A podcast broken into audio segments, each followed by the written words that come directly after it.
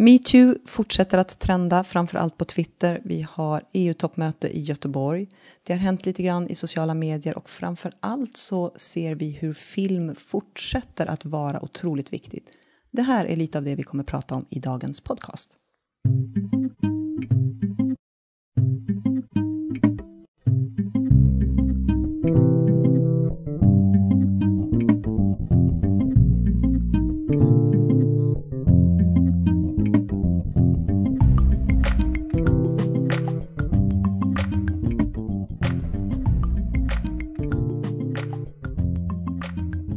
Hej, det här är podcasten Social by Default och precis som alltid är det jag, Sara Larsson Bernhardt, tillsammans med Deepen Niklas Strand som driver den här podcasten.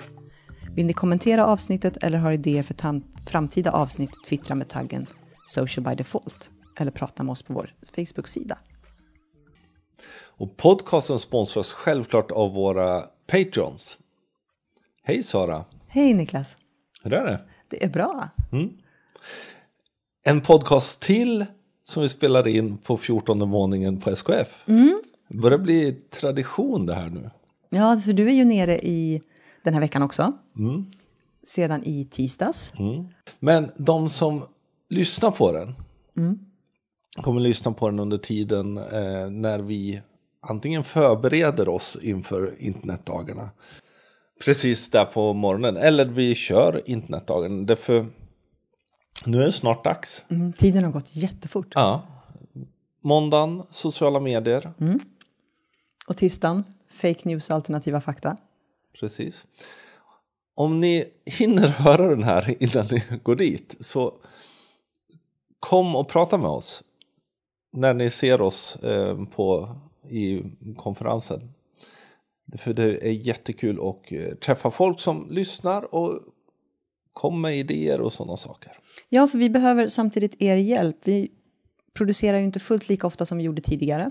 Men det är alltid härligt när man får input om ni har någonting som ni vill att vi ska ta upp och diskutera. Precis. Och för övrigt så hoppas vi på att det blir en fantastisk konferens. Det kommer det bli. Det är otroligt spännande och det är, det är så gott som fullt vad jag har förstått. Ja, vi fick ju uppgifter igår från IS att eh, de flesta spåren är, ett antal spår är helt slutsålda och sen så finns det några spår som har ett par platser kvar. Som jag nämnt tidigare, det är ju femte året i rad som vi är med och anordnar och jag måste säga att jag tycker att konferensen har lyft år efter år efter år. Den har liksom någonstans satt sig och eh, räknas idag till en av de bättre konferenser i Sverige när det gäller just digitalt. I år har ju du och jag också lyft, inte lyft nivån, men lyft nivån av arbete genom att vi kör två dagar. Mm. Man inser det är otroligt mycket jobb, men nu är allt på plats så det kommer bli riktigt kul. Vi kommer ha nästan 20, mer än 20 personer på scenen under de här två dagarna mm. och hålla ordning på. Så det kommer bli intressant. En sak som har lite med, med ett av våra spår att göra. Mm. Fake news-spåret. Det är att det har ju varit en jättestor diskussion runt fake news på framförallt Facebook, Google och sådana saker. Facebook kommer ju till vårt spår också och berättar hur de delvis kommer tackla det här. Mm, det stämmer. Det som man nu har gått ihop, 75 stycken av de största nyhetsbolagen är ju en sorts trust barometer, en, en märkning som ska visa hur trovärdig en artikel är utifrån källor den använder, utifrån tidigare erfarenhet och så. Helt enkelt en sorts trovärdighetsalgoritm tänker de försöka mm. arbeta med. Men jag är inte riktigt klar på hur den här fungerar. Det innebär till exempel då att um, ta New York Times går ut och skriver någonting. Men det är väl självklart att de sätter en sån banner på sin artikel. I vilken del ska den här... Den kommer ju vara, utgå från några som heter Trustpilot som gör det och den kommer ju helt enkelt känna av artikelns innehåll gentemot ett antal källor och sådana saker. Så det är alltså en oberoende granskare av ja. artiklar från olika nyhetssajter då, som har någonstans gått med på att få sina artiklar granskade. Ja, inte bara sina artiklar utan det här kommer ju Facebook lägga liksom. Om du lägger upp en artikel så kommer den känna av är den här trovärdig eller inte. Var kommer den ifrån? Det är åtminstone en början. Jag tycker ju det, det behövs ju. Det är jättebra. Funderingen är utifrån mitt perspektiv. Kommer man lita på den? Det beror ju på om den gör jobbet bra. Mm. Jag tycker ett annat perspektiv är ganska intressant. Vad händer om till exempel du lägger ut artiklar från er och får en låg eh, trust-märkning? Ja, alltså det perspektivet har, har jag inte ens funderat på när vi diskuterade det här innan. Men det får man ju någonstans hoppas att, att det här är framför allt kanske för nyhetssajter och, och, och den typen av mediebolag. Men självklart kan ju det stöka till det. Och tanken är ju någonstans att det här ska ju vara integrerat i Facebook. Mm.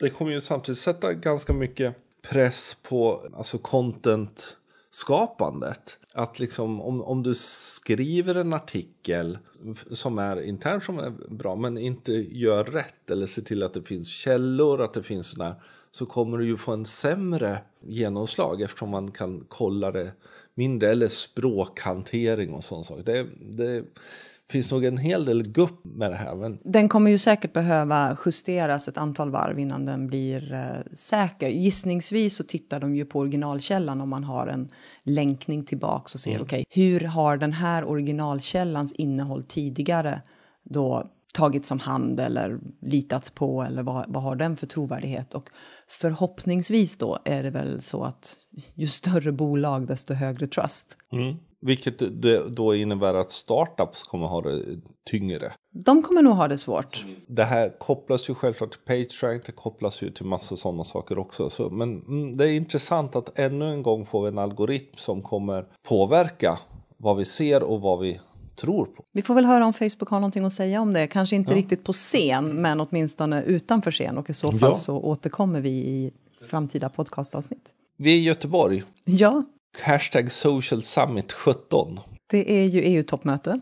Och idag är det liksom den här dagen som alla har varnat för. Mm. För er som inte är bosatta eller tillbringar tid under den här närmsta veckan i Göteborg så har ju då polis gått ut och varnat, kommuner gått ut och varnat, arbetsgivare säger att man ska stanna hemma och jobba. Det har varit eh, Västtrafik har haft ett otroligt bra arbete genom att redan tidigt gått ut och liksom någonstans förberett oss för den 16 och 17 nu då. Mm. Så det är ganska tomt i Göteborg just nu. Ja. Frida Edman hade ju lagt ut en bild där det stod tack EU för fri sikt när det var helt tomt på vägen. Och jag har ju åkt tunnelbana, eller på det har jag inte alls åkt. Jag har åkt spårvagn. Mm från stan ut hit och det var ju lugnt och det, allt gick ju bra. Du har ju åkt bil hemifrån till hit till Gamla stan. Och det var ingenting? Nej, så vi får väl se i eftermiddag. Jag ska ju med tåget 17.25 så då kanske det kör ihop sig. Mm. Men... Och jag ska hem då på den här ökända väg 40 ut mot Landvetter. Ja, precis, där alla 500 delegater ska åka. Ja, det blir intressant. Men det är ganska intressant att se hur, hur det påverkar liksom en hel stad än så länge så är det ganska lugnt. Och jag tycker det har varit lugnt på, på sociala medier också. Mm. Faktiskt. Ovanligt lugnt. Vi får se om det händer någonting. Men jag har inte... Vi har ju suttit upptagna i workshops hela dagarna. Men följt Social Summit 17. Och självklart twittras det mycket. Men det är ju ingenting som är direkt negativt. Nej. Den stora rädslan ligger ju i att förra gången det var i Göteborg. Mm. Sådär. Men då var det ju kravaller, det var ju, det var ju kaos. Mm.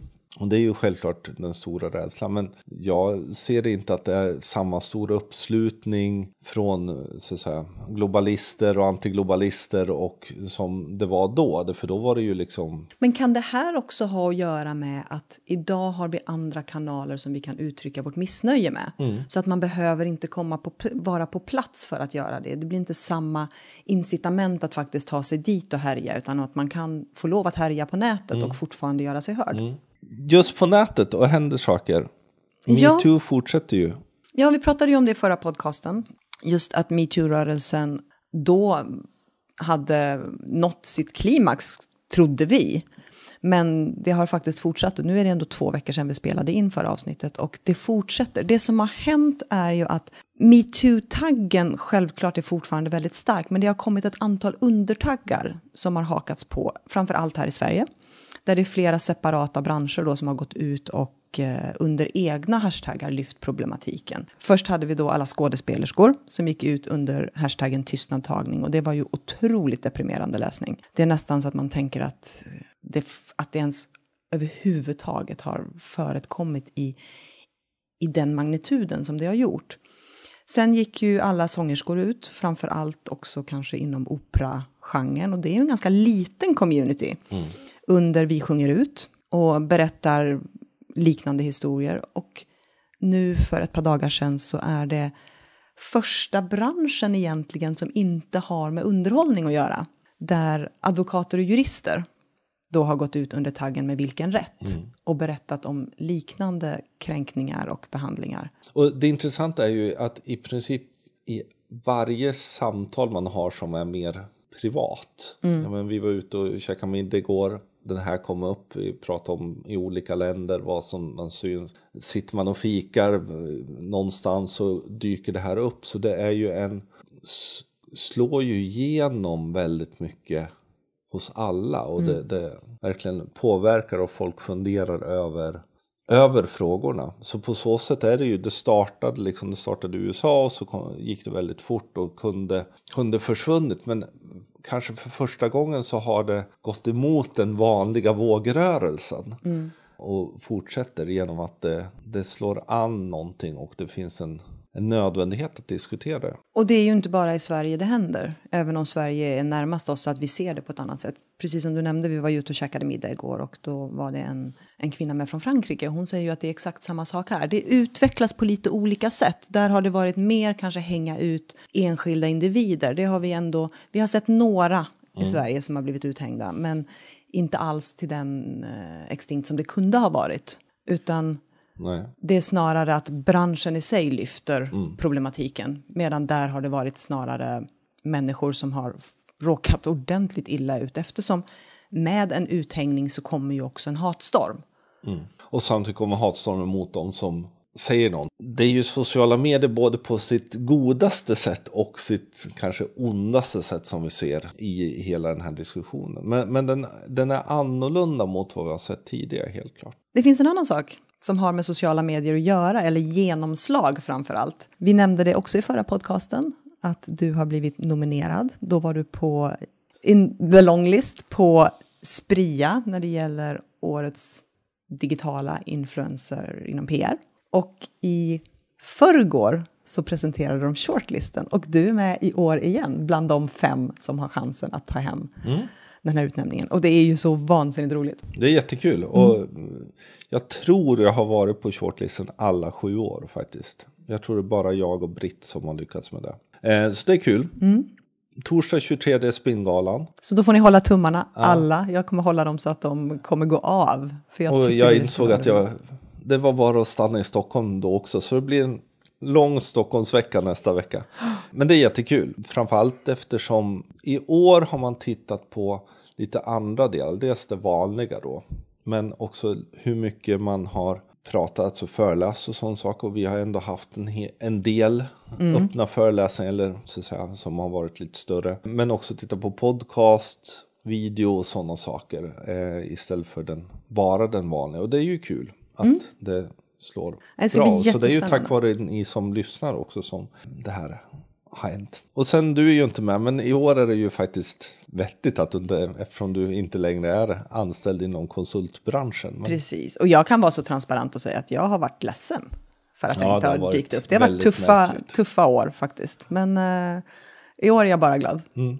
Nej, men det, för, och det är ju fortfarande så, jag menar, det, är ju du och jag som gör det här, så egentligen borde det vara social by default som står där. Men sen, sen kan vi också fundera på, det har vi ju gjort varje år, just urvalet och saknar vissa namn år efter år faktiskt. Mm.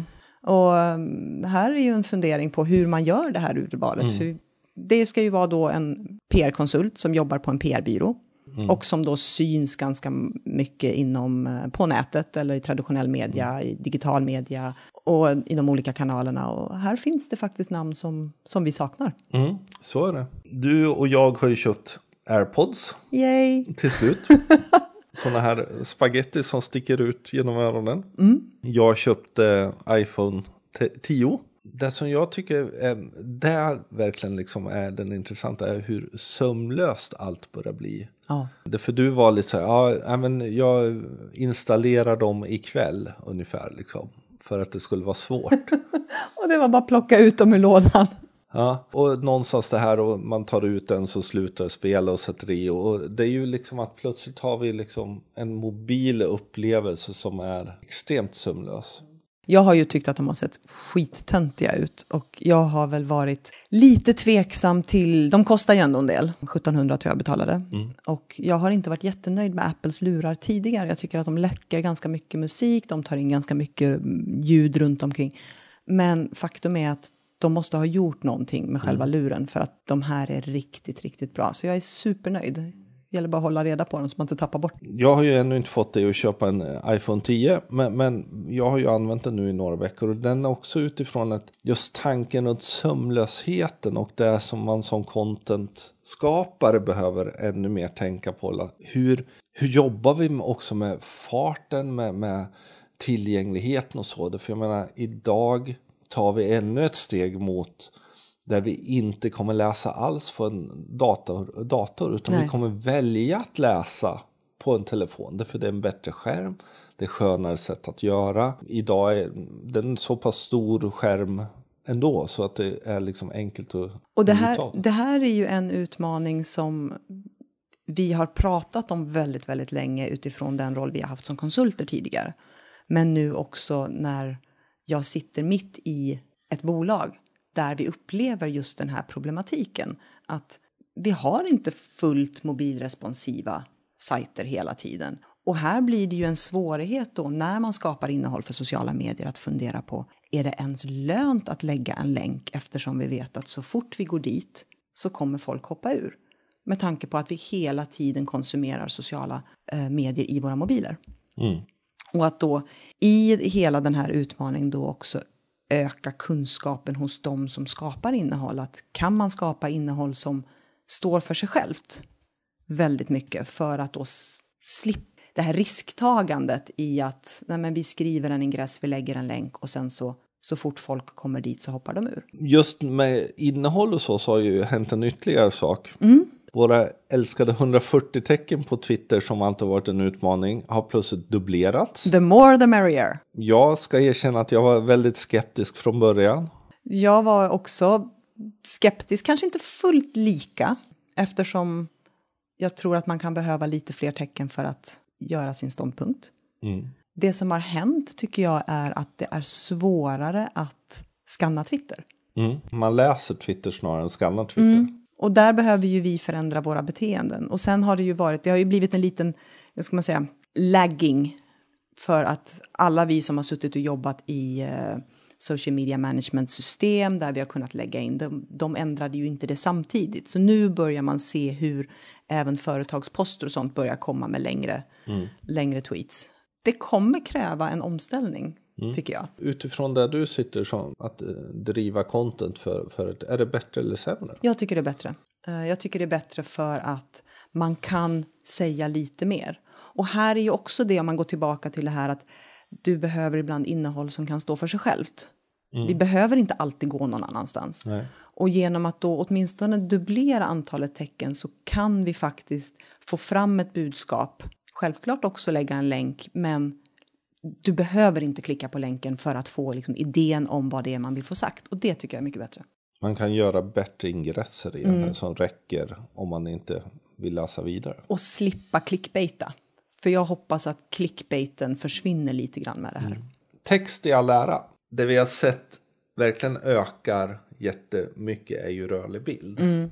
Och det har vi ju pratat om en del. Det är ju snart dags att vi ska börja spana inför nästa år och sådär. Och jag tänker att jag menar, egentligen under två år så har vi pratat att rörlig bild kommer att komma. Och nu är det ju verkligen på riktigt. Mm. Det som hände precis nu i natt var ju att Facebook lanserar en videoredigeringsapp för alltså film creators. Mm. Vilket ju indikerar att nu kommer de på riktigt börja ta kampen med YouTube runt creators-delen. Ja, för de har ju hela tiden försökt. Jag menar, när de skapade sin native-uppladdning så var det ju, dödade de ju alla YouTube-länkar som finns. Mm. Jag menar, om du mot all förmodan idag skulle lägga in en YouTube-länk på Facebook så är det ju först och främst väldigt, väldigt fult.